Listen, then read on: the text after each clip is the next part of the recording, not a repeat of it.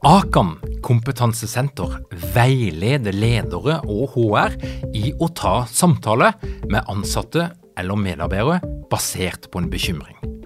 Akan setter ledere og medarbeidere i stand til å forebygge og håndtere en problematisk bruk av alkohol, narkotika, legemidler, spill eller doping blant ansatte. Ønsker du å lære mer om god forebygging og gjennomføring av samtale med en som du er bekymra for? Da kan du nå få tilgang på Akan sitt digitale samtalekurs til spesialpris, kun 760 kroner. Målet med kurset er å gjøre deg tryggere i det som kan være en krevende, men viktig samtale å ta i lederrollen. Du får tilgang til kurset med å gå til samtalekurs.no, samtalekurs.no, og bruke kampanjekoden LEDERPODDEN. Tilbudet gjelder ut april. Lederpodden er gitt til deg av Execu.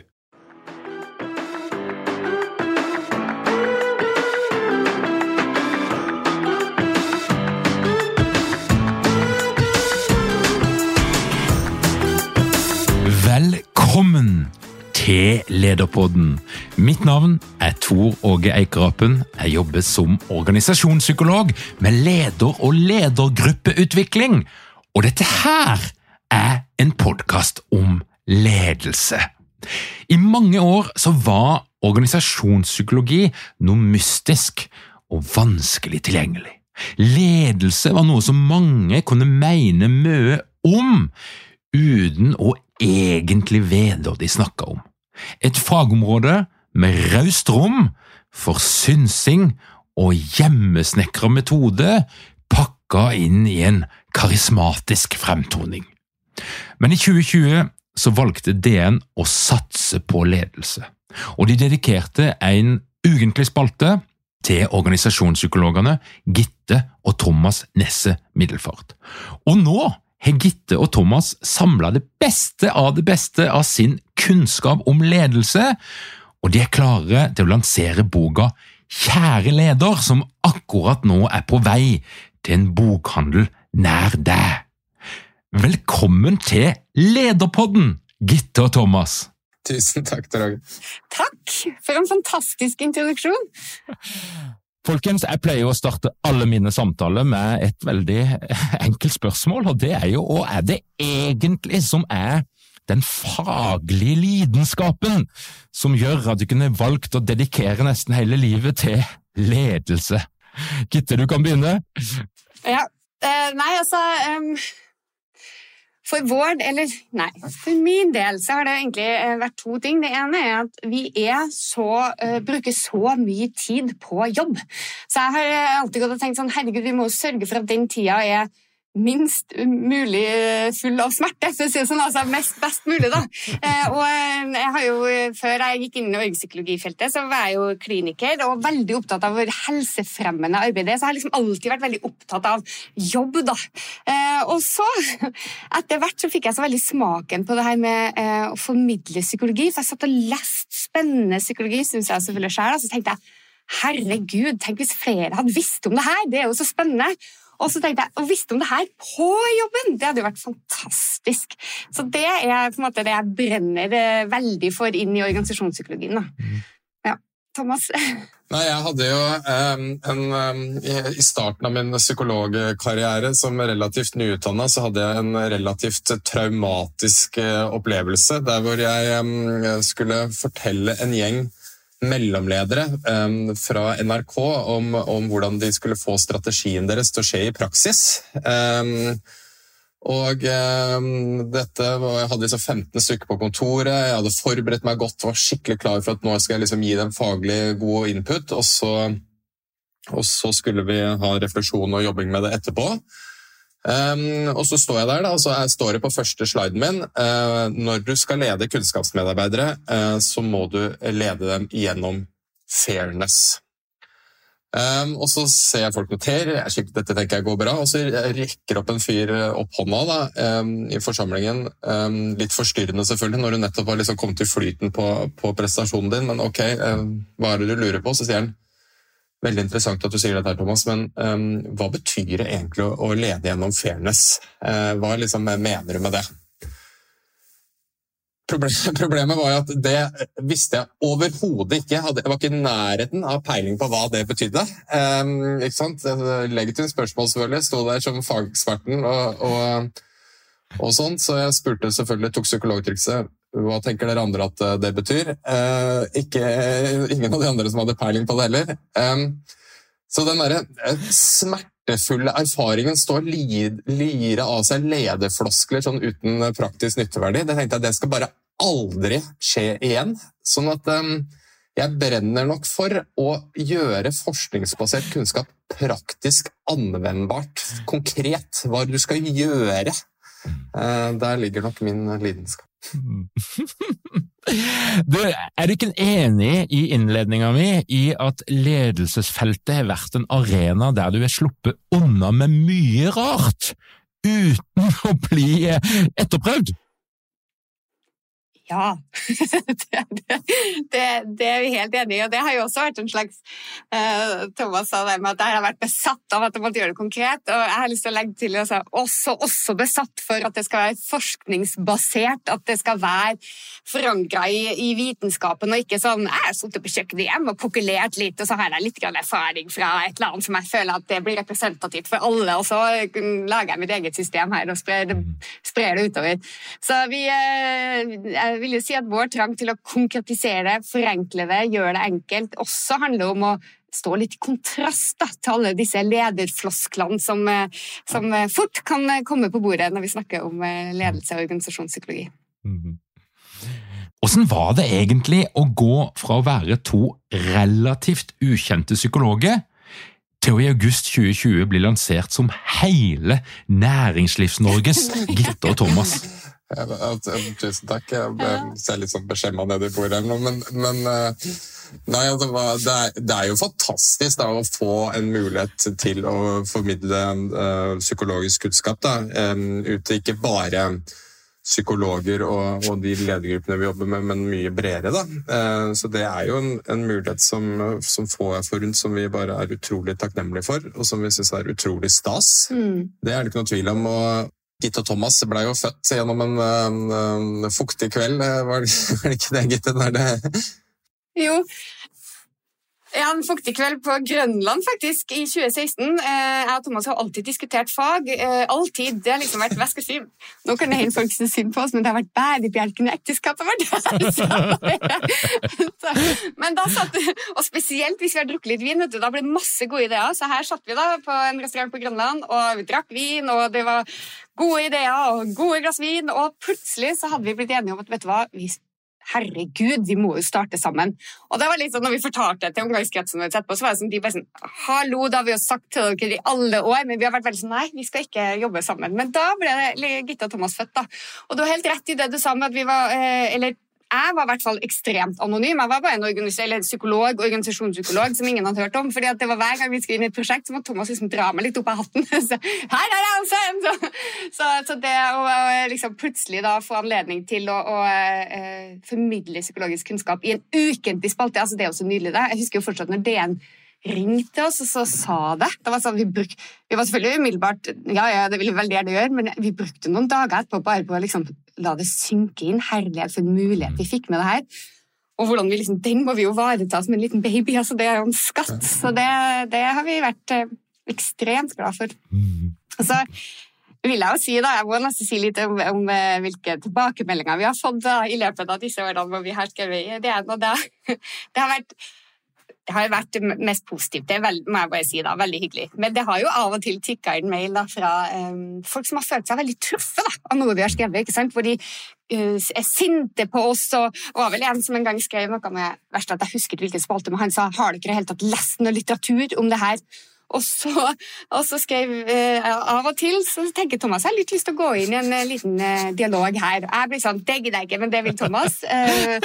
Og så, så da skriver han tilbake sånn Ja, vi har, vi har basert det, denne, det, på denne litteraturen, liksom, med linker, da. Og så, fikk, så skrev Thomas Har du noe annen relevant litteratur, må du for all del sende det til oss.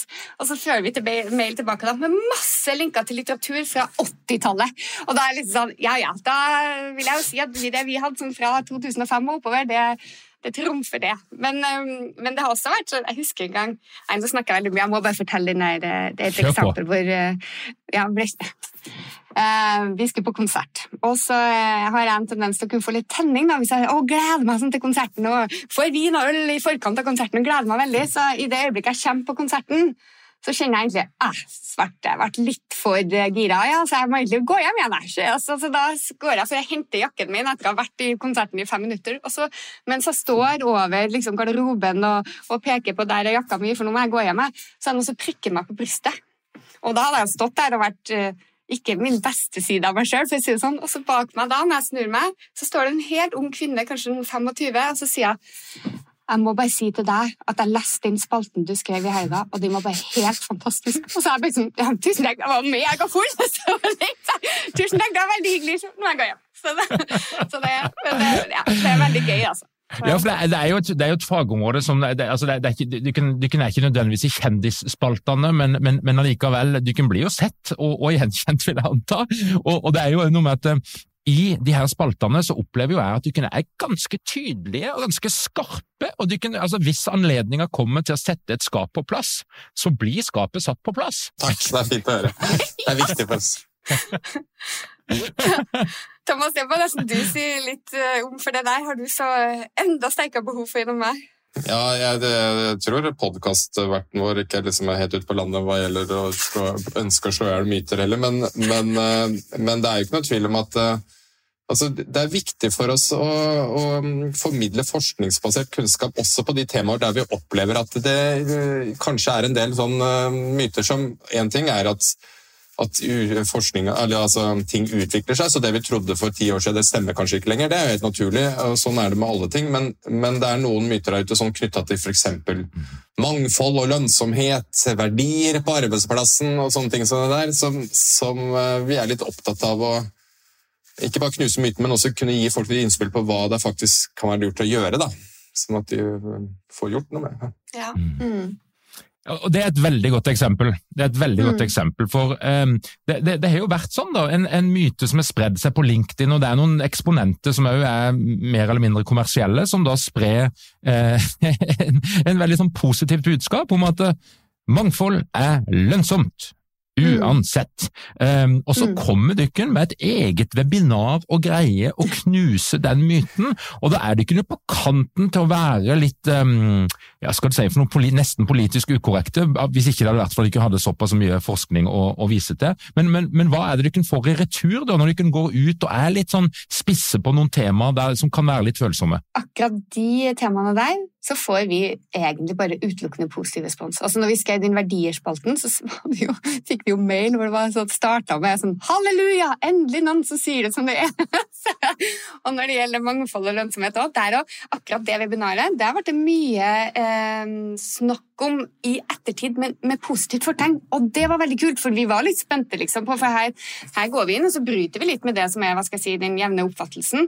Eh, men det ble tatt veldig godt imot, og det tror jeg fordi folk skjønner det jo når vi sier det å liksom skal snakke om at mangfold i seg selv fører til lønnsomhet, det er med på å forkludre en veldig viktig diskusjon som vi må ta, ikke sant? og som vi bør snakke om hvordan kan vi utnytte mangfoldet i samfunnet. Og det å da si ja, i seg selv så fører det til sånn eller sånn, det er veldig opposisjon til. Og det var det mange som likte, da. ikke sant? At vi mm. nyanserte og, og, og ja. Ja, ikke sant? Altså for umiddelbart så er nok noen skeptiske, og det er jo for å selvfølgelig Det ene vil tiltrekke seg folk til å se på webinaret, så, så, overskriften på reklamen er gjerne 'mange sier mangfold er lønnsomt'. Det er det ikke. Punktum. Og, ja. det, liksom, og det, det, kan selvfølgelig provosere noen uh, folk, og det, og, det, og det, stemmer jo for så vidt, det, men, men, vi er jo veldig opptatt av å også si at jo, mangfold er kjempeviktig. Det. Folk må ikke liksom tolke oss og si at vi ikke har mangfold viktig, mm. men, men vi er opptatt av at når folk går rundt og predikerer og de tror det er viktig i seg selv, så gjør du en, folk en bjørnetjeneste. Fordi at uh, alle har kjent det å få mangfold inn, og så bare tenkt nå går det seg til på magisk vis. Det gjør det ikke. ikke sant? Sånn at uh, Hvis folk gjør noe i tillegg, så er jo mangfold superviktig. Og det er vi opptatt av å formidle, men, men uh, litt mer nyansert, da, tenker vi, håper vi, enn at det er lønnsomt til seg. Vi har, vi har fått kjent på mangfoldets gleder og sorger eh, i bokskrivinga vår òg, i og med at jeg og Thomas er så forskjellige fra hverandre. sånn at eh, det, blir, det kan bli veldig bra, men det er ikke lett, altså. Det, skal sies. Det, ja, vi faller, det faller inn i personlighetstrekkene våre, på godt og vondt. så... og de skal vi snart komme tilbake til, det skal jeg love dere. Men, men eh, eh, min opplevelse er at du kunne gjort det litt vanskeligere for en del selvstendige konsulenter som har reist rundt med et konsept som de har hatt siden slutten av 80-tallet, og stort sett aldri blitt etterprøvd, blitt motsagt, blitt utfordra, men rett og slett pga. sin karisma, pga. sin fremtoning, har fått lov å holde på. Og det er jo noen av de som sliter litt med å få tilstrekkelig oppdrag om dagen, fordi at eh, en hvilken som helst leder kan banke i bordet med, med DN-spalta Lederliv og, og vise til at hei, dette her stemmer faktisk ikke. ja, hvis, eh, hvis det, altså vi, har noe, vi, har ikke noe, mål om å slå av konkurrentene våre, men vi har mål om å gi ledere forskningsbasert kunnskap. Altså hvis folk kan utfordres på å oppdatere seg, så er selvfølgelig det eh, gledelig å høre. Da. Det, det må vi si.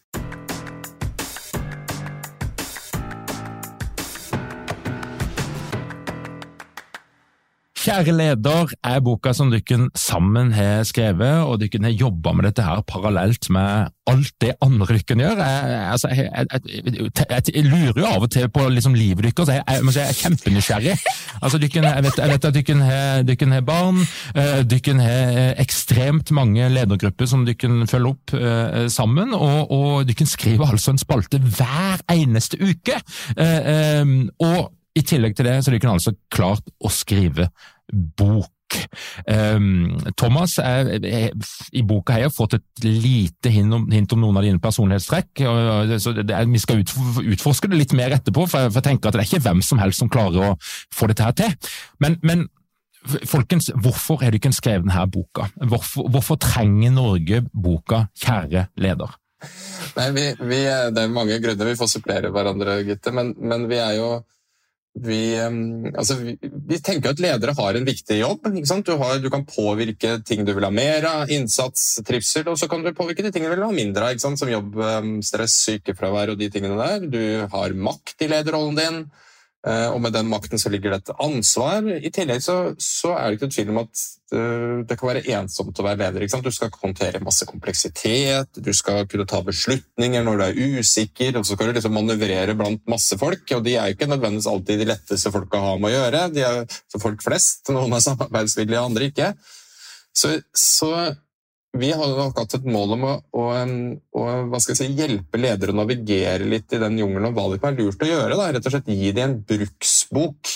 Vi går ikke gjennom Det finnes jo som utrolig mange teorier om ledelse etter hvert. og Dette er ikke et forsøk på å komme med en ny teori om ledelse, men det er et forsøk på å finne ut av hva er de, hva skal jeg si, de poengene som går igjen på tvers av disse lederteoriene. Mm. Hvis vi skal klare å bryte det ned til praksis, hva er det de faktisk sier? ikke sant? Fordi at um, dette var det, Poenget var det vel Linda Lai fra BI som, som, skrev om uh, som først. ikke sant? Men det er noe med å ikke se på alle disse lederteoriene som, som konkurrerende. at det liksom, uh, Enten så er du tjenerleder, eller så er du autentisk. Men det er kanskje noen ingredienser da, som går igjen, som gjør at de viser seg å være virkningsfulle, som går igjen på tvers. Og Det har nok liksom vært kongstanken med boka. Prøve å liksom bryte ned og finne ut av hva er, hva er de tingene som går igjen.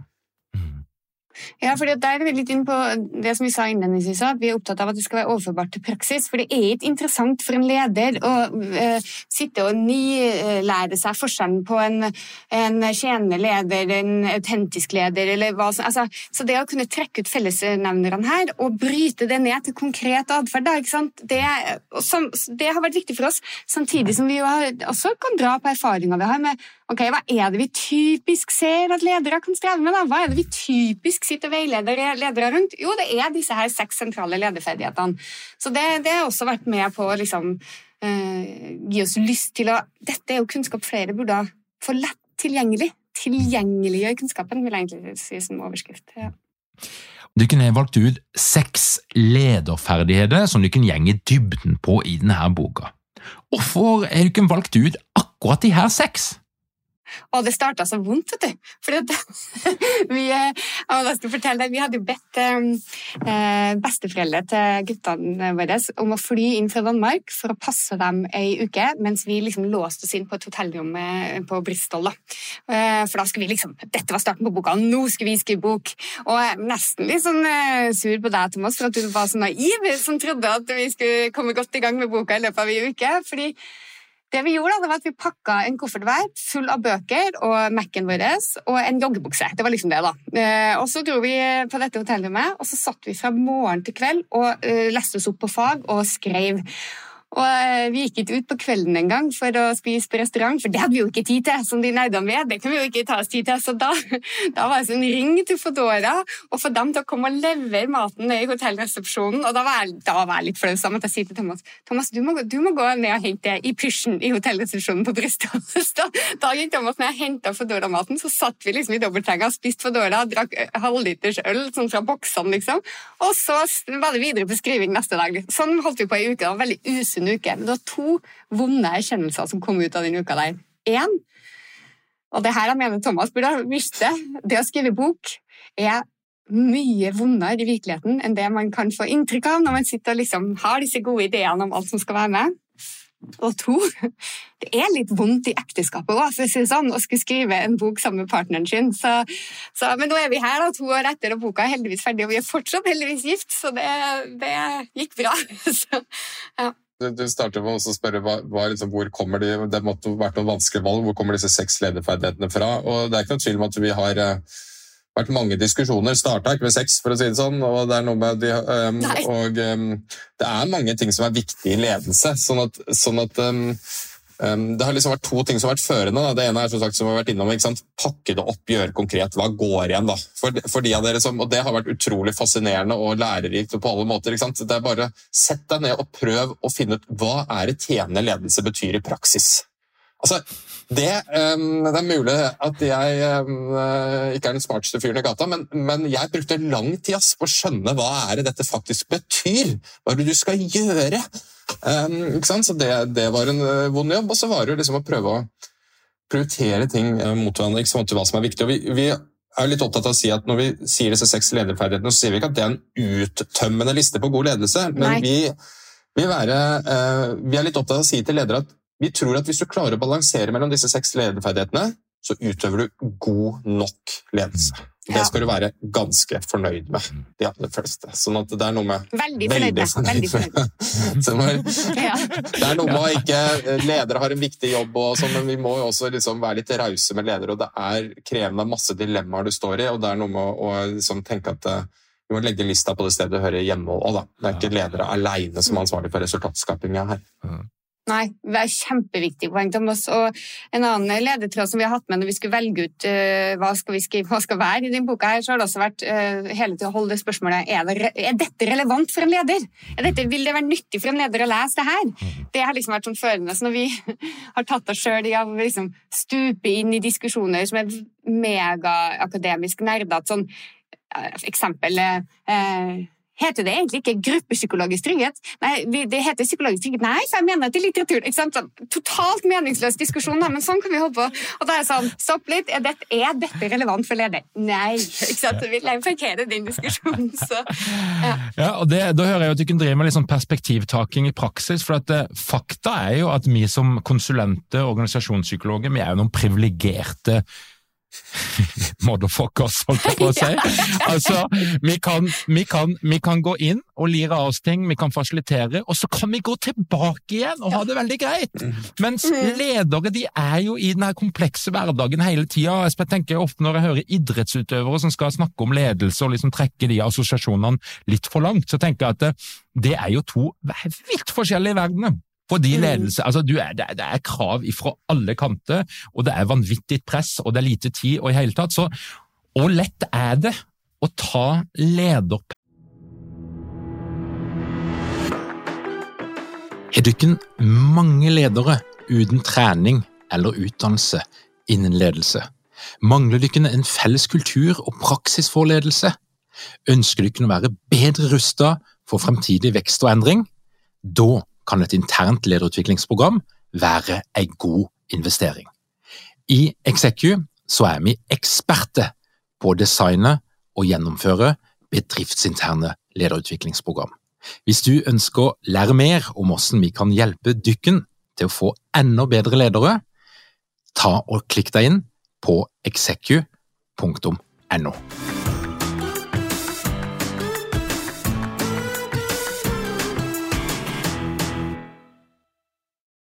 Perspektivet eh, og, og løfte seg sjøl ut av denne fagrollen? Det er ikke lett. Uh, og så egentlig to ting jeg har lyst til å si om det. Det ene er at det å ha den spalten i DN det har vært veldig veldig, veldig nyttig. Fordi uh, i starten, når vi begynte å skrive, så ble vi holdt litt i hånda i form av at vi måtte klare å formulere oss så enkelt som mulig. da. Sånn at Man skal ikke være psykolog eller forsker for å kunne eh, henge med på det vi skrev. Og da fikk vi knalltydelige tilbakemeldinger fra eh, hun som hjalp oss med skrivinga. 'Her skjønner ikke jeg hva dere mener. Hæ, hva betyr det her? Dette er et ord jeg aldri har hørt før.' Og det, og det var så nyttig for oss. ikke sant? Det, og det har hjulpet oss litt ut av denne eh, fagrollen. Og når vi skulle skrive boka, så sa jo redaktøren vår også Tenk hele tida på avdelingssykepleieren i Namsos. Så det, også er det ting i boka som avdelingssykepleieren i Namsos ikke vil synes er relevant, men det har også vært veldig nyttig. Og En annen ting som har hjulpet oss til perspektivtaking, det er at både jeg og Thomas har jo en veldig uh, forkjærlighet, og det hører jeg egentlig at du har òg, Tor Ågen, når du beskriver den hektiske hverdagen til ledere.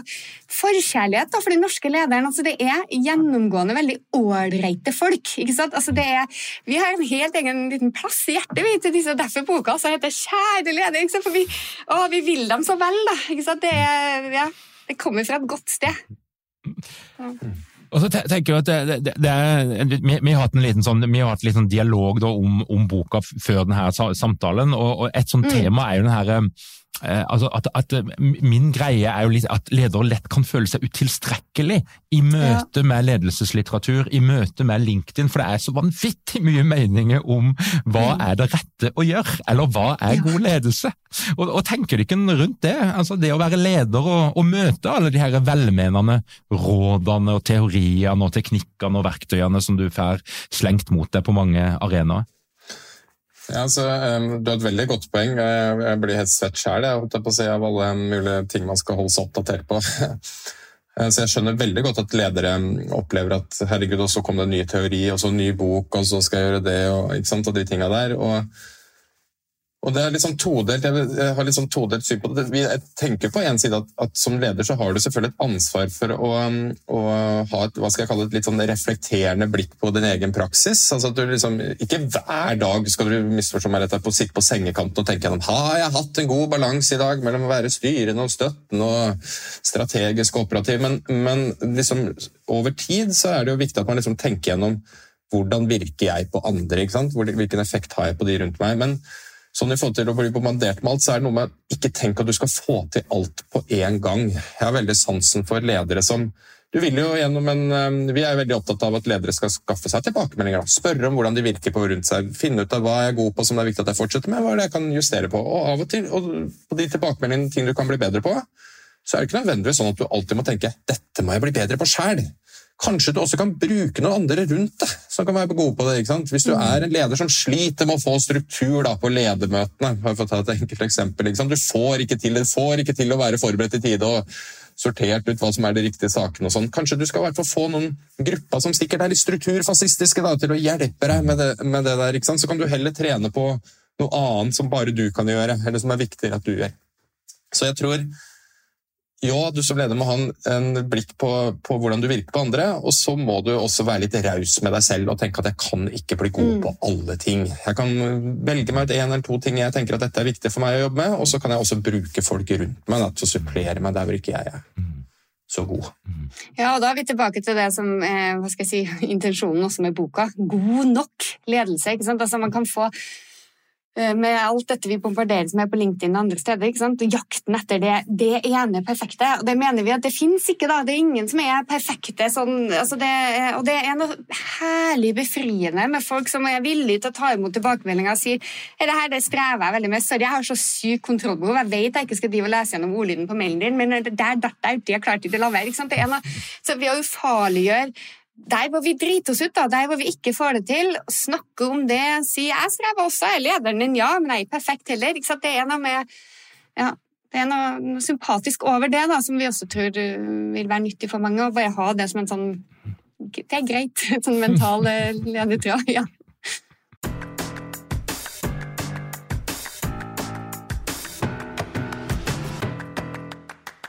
Ledere er jo ulike, eh, organisasjoner er ulike, f.eks. i størrelse. Altså Det er stor forskjell å sitte i en ledergruppe i et konsern for eksempel, enn i en liten familiebedrift eller en oppstartsbedrift. Eh, og Ofte er det jo sånn at jo høyere du er i systemet og jo større organisasjonen er, jo mindre operasjonell og jo mindre kontakt med andre trenger du nødvendigvis å ha i en del tilfeller. Men hvem er denne boka for? Hvilken type leder er det denne boka passer for?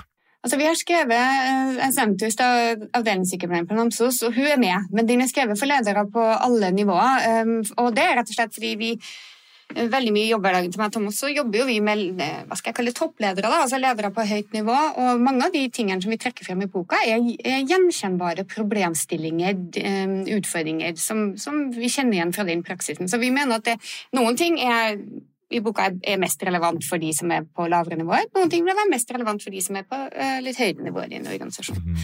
Og så mener vi også, da, hvis vi kan være så freidig, at, eh, at, eh, den kan være relevant for konsulenter og sånn også. Fordi man kan bli inspirert til at ah, ja, det er et tema som jeg eventuelt da kan sette meg litt mer inn i, eller ja, hva som helst, da, men at det, det også kan være nyttig sånn sett. Og Dykken er jo av den typen som liker at folk stjeler, stemmer ikke det? Altså, eh, Thomas Henning kjører masterclass, og jeg, jeg bruker iallfall effektiv ledergruppe veldig flittig, så Dykken, dykken oppfordrer til stjeling.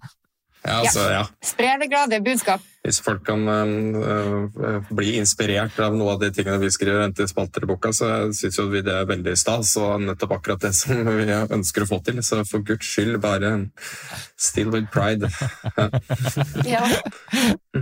I boka så får vi innsikt i at du kan score noe ulikt på Big Five. Hvor i prosessen er det de her ulikhetene blir mest tydelige? Mm. Uh, ja.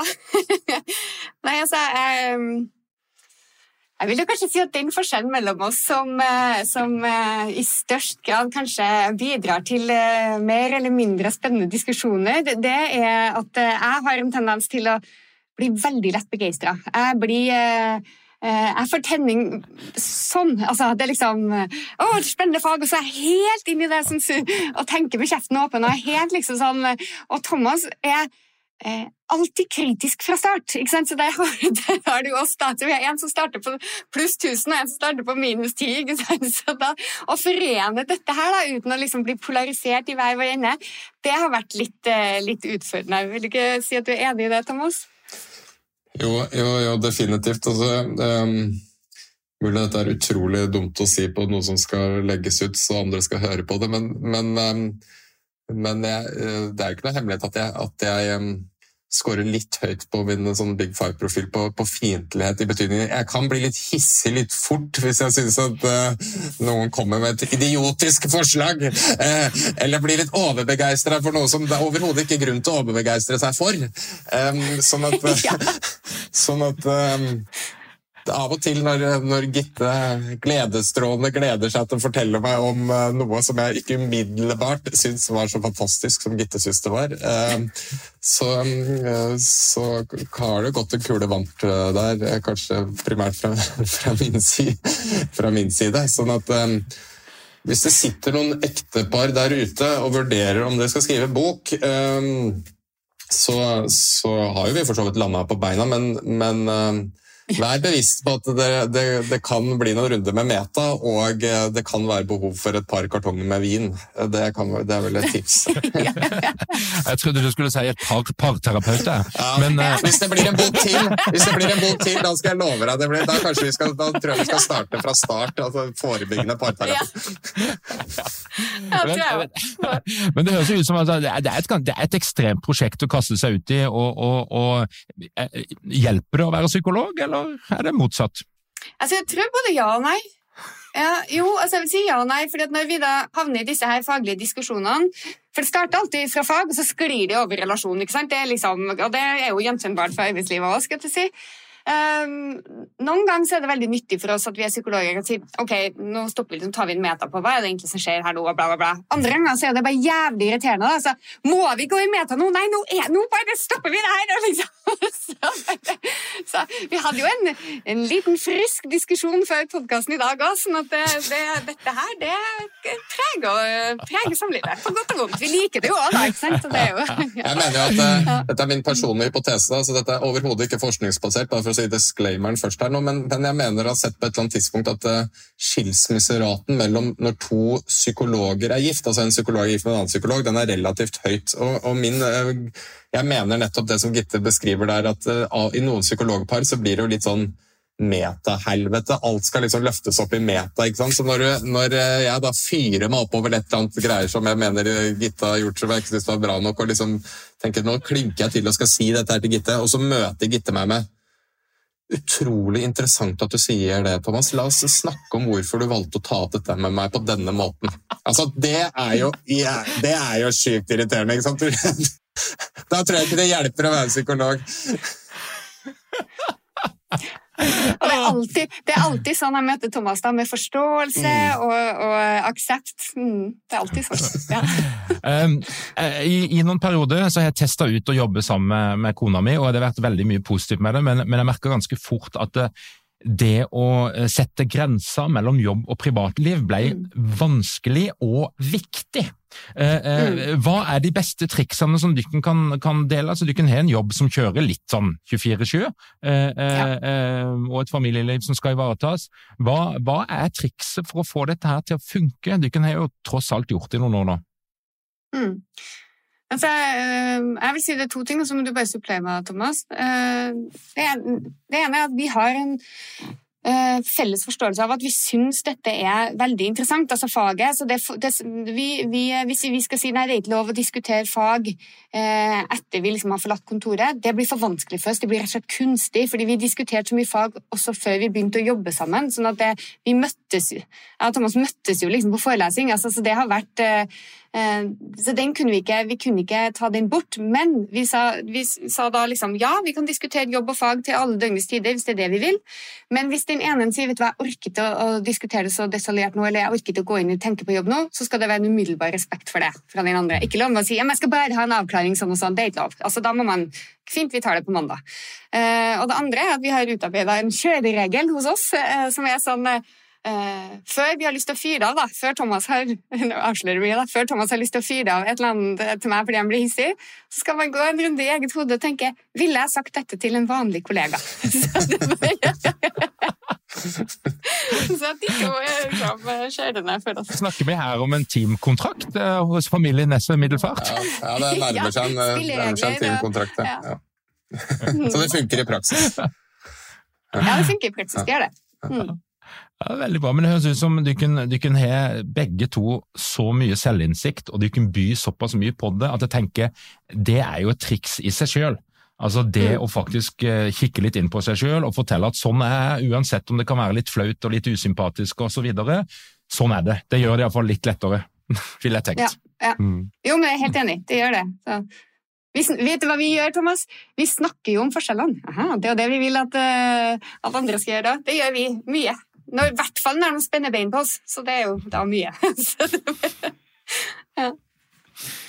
Nei, ja, det, det, var akkurat det jeg skulle si. Det er jo tilbake til temaet med mangfold her. Det er noe med sånt, sånt, eh, sånn, sånn det er selvfølgelig spesielt å, å, være gift og jobbe sammen nå, men, men på en arbeidsplass også, er det ikke noe tvil om at folk er forskjellige. Og, og de forskjellighetene de skaper en del uh, trøbbel. ikke sant? Det er uh, dritfrustrerende for de uh, som liker å kjøre noen runder og stille opp i huet sitt, at de der som ekstroverte som tenker med kjeften åpen, ikke sant? ikke får ikke rom til å tenke. og de superdetaljerte blir frustrert av de som er oppe i tåkeskya. Alle de tingene der som vi kjenner oss igjen fra på jobben. Sånn, sånn er det for alle. Men, og da kunne sette ord på det, snakke om det, gjøre det snakkbart. For det første så skaper det litt forståelse og raushet, og så gjør, blir det ikke så farlig. Ikke da kan vi tulle litt med det. Ja, nå er du igjen. Nå går kjeften på deg. Liksom. Kanskje du kunne latt oss andre også få liksom slippe til i hvert fall to sekunder. Altså, det, det gjør, um, gjør, ting snakkbart. Uh, da gjør det også litt lettere å håndtere. Nei, er det tilfeldigvis sånn at eh, denne uka så snakka jeg òg med Henning. Eh, Bang. Ja. Eh, og det er nå tross alt sånn da, at han er jo et tredje hjul på, på vogna her, eller femte hjul på vogna. altså det, det, Du kan figurere sammen på mange bilder og i det hele tatt, selv om vi nå snakker om boka og Gitte og Thomas. Så, så jeg blir bare så nysgjerrig på hvilken rolle eller posisjon er det Henning Fær i dette samspillet? ja, ja, det kunne vært veldig spennende. Ja, ja det er mulig det er neste spørsmål til Røge. Nei, um, altså vi um, vi har jo begge et uh, fantastisk forkjærlighet for Henning, både fordi han er så faglig um, sterk, og fordi han er en uh, morsom fyr og en formidler. og Han er veldig glad i vin. Det er mye, mye ting å like med Henning. Vi, vi har jo et um, Jeg og Henning begynte å jobbe sammen uh, når jeg var student. Uh, han var jo min foreleser og, veileder etter hvert. Så dette er jo nå nærmere 20 år siden jeg liksom begynte å jobbe sammen med Henning. Og etter det så har vi liksom hatt et tett samarbeid, og nå um, vi, vi, kanskje primært jeg, da, men snakker jo sikkert med Henning på telefon tre ganger i uka om faglige problemstillinger og sånn. Det er jo primært jeg og Gitte som er sammen ute med kunder og sånn, og så er Henning ute med sine kunder, så vi har ikke så mye sånn ut på den kommersielle siden, men vi har jo en felles lidenskap for nerding. da. Um, sånn at vi bruker utrolig mye tid på uh, å nerde, nerde, sammen. Så jeg, jeg har ikke hørt på hva Henning har sagt, da, hvis du spurte han om det samme, men jeg, jeg, tror ikke han føler seg som et femte hjul på vogna. Han, uh, han er trygg nok på seg sjøl at han kan ta den plassen, tror jeg. Av alle de over 100 lederrådene, eller 150 er det vel, som dere har gitt i lederliv, og som dere gir i boka, hvilket er dere mest fornøyd med? Den håper jeg noen siterer meg på seinere, den type råd. Nei, ja. vet du hva, jeg har lyst til um, um, Dette tror jeg ikke vi er de eneste om å si, da, så, så, um, så, vi får dele um, kreden på det. Men, men, jeg tror nok det viktigste rådet, hvis jeg skal ta med meg, så får du ta ditt etterpå, Gitte, er, vil nok være å, å, bruke hverandre som lederkolleger. Jeg ser at de på arbeidsplasser der man uh, har det vi kan kalle um, kollegaveiledning, altså at man setter av tid til å diskutere dilemmaer, problemstillinger, vanskelige ting man står i i lederrollen, der man gjør det, får råd, innspill fra kollegaer, det oppleves som så utrolig nyttig og virkningsfullt. Så hvis jeg skal gi, som gi norske ledere ett råd som jeg tenker dette, dette er utrolig viktig, det, og det er et råd jeg er fornøyd med, for å ta utgangspunkt i spørsmålet ditt, så er det bruk, eh, bruk, hverandre på arbeidsplassen til å diskutere ledelse. Ikke bare fag, men også ledelse. Mm. mm. Jeg har lyst til å støtte opp under den. Jeg er helt enig uh, i akkurat det.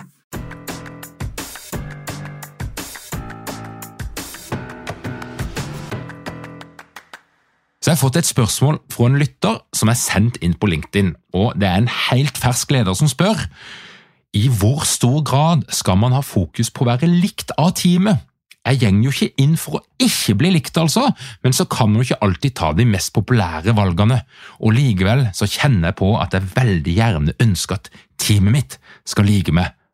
Og tenker dykken, Altså, vi, det der det er egentlig et helt nydelig spørsmål, fordi vedkommende som har sendt inn, han beskriver så veldig godt eh, dilemmaet. Fordi at Du kan ikke som leder legge opp en lederstil som, eh, som han ok, jeg leder ut ifra å bli likt. Det er en slippery slope, for å si det sånn. Det kan fort gå veldig veldig galt. Samtidig som spørsmålsstiller også setter fingeren på det veldig gode poenget med at vi vil jo alle bli likt. Det er jo ingen av oss som liksom går ut i verden og tenker i dag skal jeg sørge for at det er mange som ikke liker meg. Altså det, det strider mot vår natur. Det. Vi er jo flokkdyr. Vi vil, vi vil passe inn og bli likt osv. Men vi har lyst til å liksom eh, Eller der vil jeg si at jeg egentlig vil heve det på, til et annet nivå. da, altså eh, oppmuntrer han her til å ikke tenke på det som å bli likt eller ikke, men tenke at en, en viktig del av, ehm, en viktig del av eh, det å være leder, det handler om å bygge robuste relasjoner til medarbeiderne sine. Og det gjør man ikke bare gjennom å bli likt, det gjør man på veldig mange forskjellige måter. Da. Men, men det å bli likt er egentlig ikke en del av det. Altså. Det, er, det er blindspor. Sånn, og nå skal jeg gjøre det konkret. Nå var jeg lite konkret. skal jeg gjøre det konkret.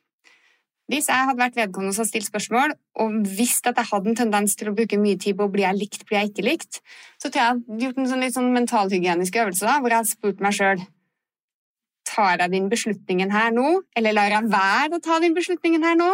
Fordi det handler om at jeg vil bli likt, eller er det faktisk den beste strategien? Ikke sant? At være litt sånn ryddig med seg selv. da. Er det noe annet som du kunne lyst til å melde ut til våre lyttere, som jeg ikke har spurt om? Jo, jeg Ja, Kjør på, vi heier på deg! Ja, vi heier på deg. Det er et viktig poeng. Ja. Det er tilbake til lederen i hjertet, i, hjertet skal jeg si. Altså, det er, vi synes det er dypt imponerende, den jobben mange ledere går på jobb og gjør hver eneste dag. Det krever sitt, altså. Ja. Det, ja. Ja, det er veldig, det er veldig enig. Og, og eh, jeg skal nok innrømme at jeg som person har litt sånn allergi om alt det der som skrives over at uh, norske ledere gjør ditt og datt. og- Altså, det er, de er feil på ditt, og 70 misliker lederen. Altså, det er veldig mye fokus på hvor mye de gjør feil, og, og ledere gjør selvfølgelig feil, som alle oss andre. Så, så heldigvis er ikke de perfekte, og de har åpenbart ting de aller fleste ledere å jobbe med. Eh, Men grunnleggende sett så er min opplevelse, eller vår opplevelse, vil jeg si, at folk, norske ledere de gjør sitt beste hver eneste dag på jobb, eh, og de får til utrolig mye bra sammen med eh, folka sine. Så jeg syns norske ledere skal eh, få litt mer klapp på skulderen for, for, Mm. for jobben de gjør, enn de kanskje kan få en tendens til å få, i hvert fall hvis de leser media. Enig. Og de gangene hvor ledere driter seg ut da, og gjør dumme ting og sier ting de ikke burde ha sagt osv., så, videre, så er det som regel ikke fordi de har noen onde intensjoner. Det er fordi de driter seg ut som alle andre. ikke sant? Altså, det er sånn Ops, skulle kanskje ikke sagt det, nei. Men ja, så mer eh, godhet med lederen. Vær snill med lederen din. Ja. ja. Du, nå har du ikke landa et stort prosjekt. Eh, Jeg er bare så nysgjerrig. Hvis vi ser eh, ti år fram, hva holder dere på med da? Vi har ingen konkrete prosjekter, men vi syns jo det er veldig altså, vi, de, Foreløpig så syns vi jo det er veldig stas det vi driver med. Um, vi får, både formidla psykologisk kunnskap gjennom nå bok og, og DN-spalten, i tillegg til at vi jobber med utrolig mye spennende folk. Så vi får liksom uh, vært nedi, vært litt håndverkere, da, som vi liker å være nedi mange ulike problemstillinger. Så det trives vi veldig godt med. Så jeg er ikke overraska om vi også gjør det om ti år. Um, og vi får se, det blir spennende. Jeg håper vi blir invitert tilbake. Denne podkasten går jo så bra, så jeg regner med at den lever om ti år. Så det, Tusen hjertelig takk, Gitte og Thomas, og, og lykke til med lanseringa og alt det som følger med. Veldig gøy å få liksom, komme litt på innsida av familiebedriften. og Dykken er jo faktisk en bedrift der det er lov å si at her er vi som en familie. ja, ja. Sant. Ja. Tusen takk for at Dykken ble med, og eh, vi snakkes igjen, det er jeg helt sikker på. tusen takk. Tusen takk for at vi fikk komme. Til deg som hører på Lederpodden, takk for at du gjør det. Hvis du ønsker å få med deg alt som skjer i vårt lederunivers, da er det bare å komme deg inn på lederpodden.no. Trykk på den rette knappen, legg igjen din e-post, og du kan òg følge med på Instagram og Facebook, og på Instagram legger vi ut litt sånn klipp og forskjellige ting, så du ser litt hva som skjer både før og etter sendinger, og ja, litt behind the scenes. Men uansett, takk for at du hører på Lederpodden. Vi høres igjen om ei uke.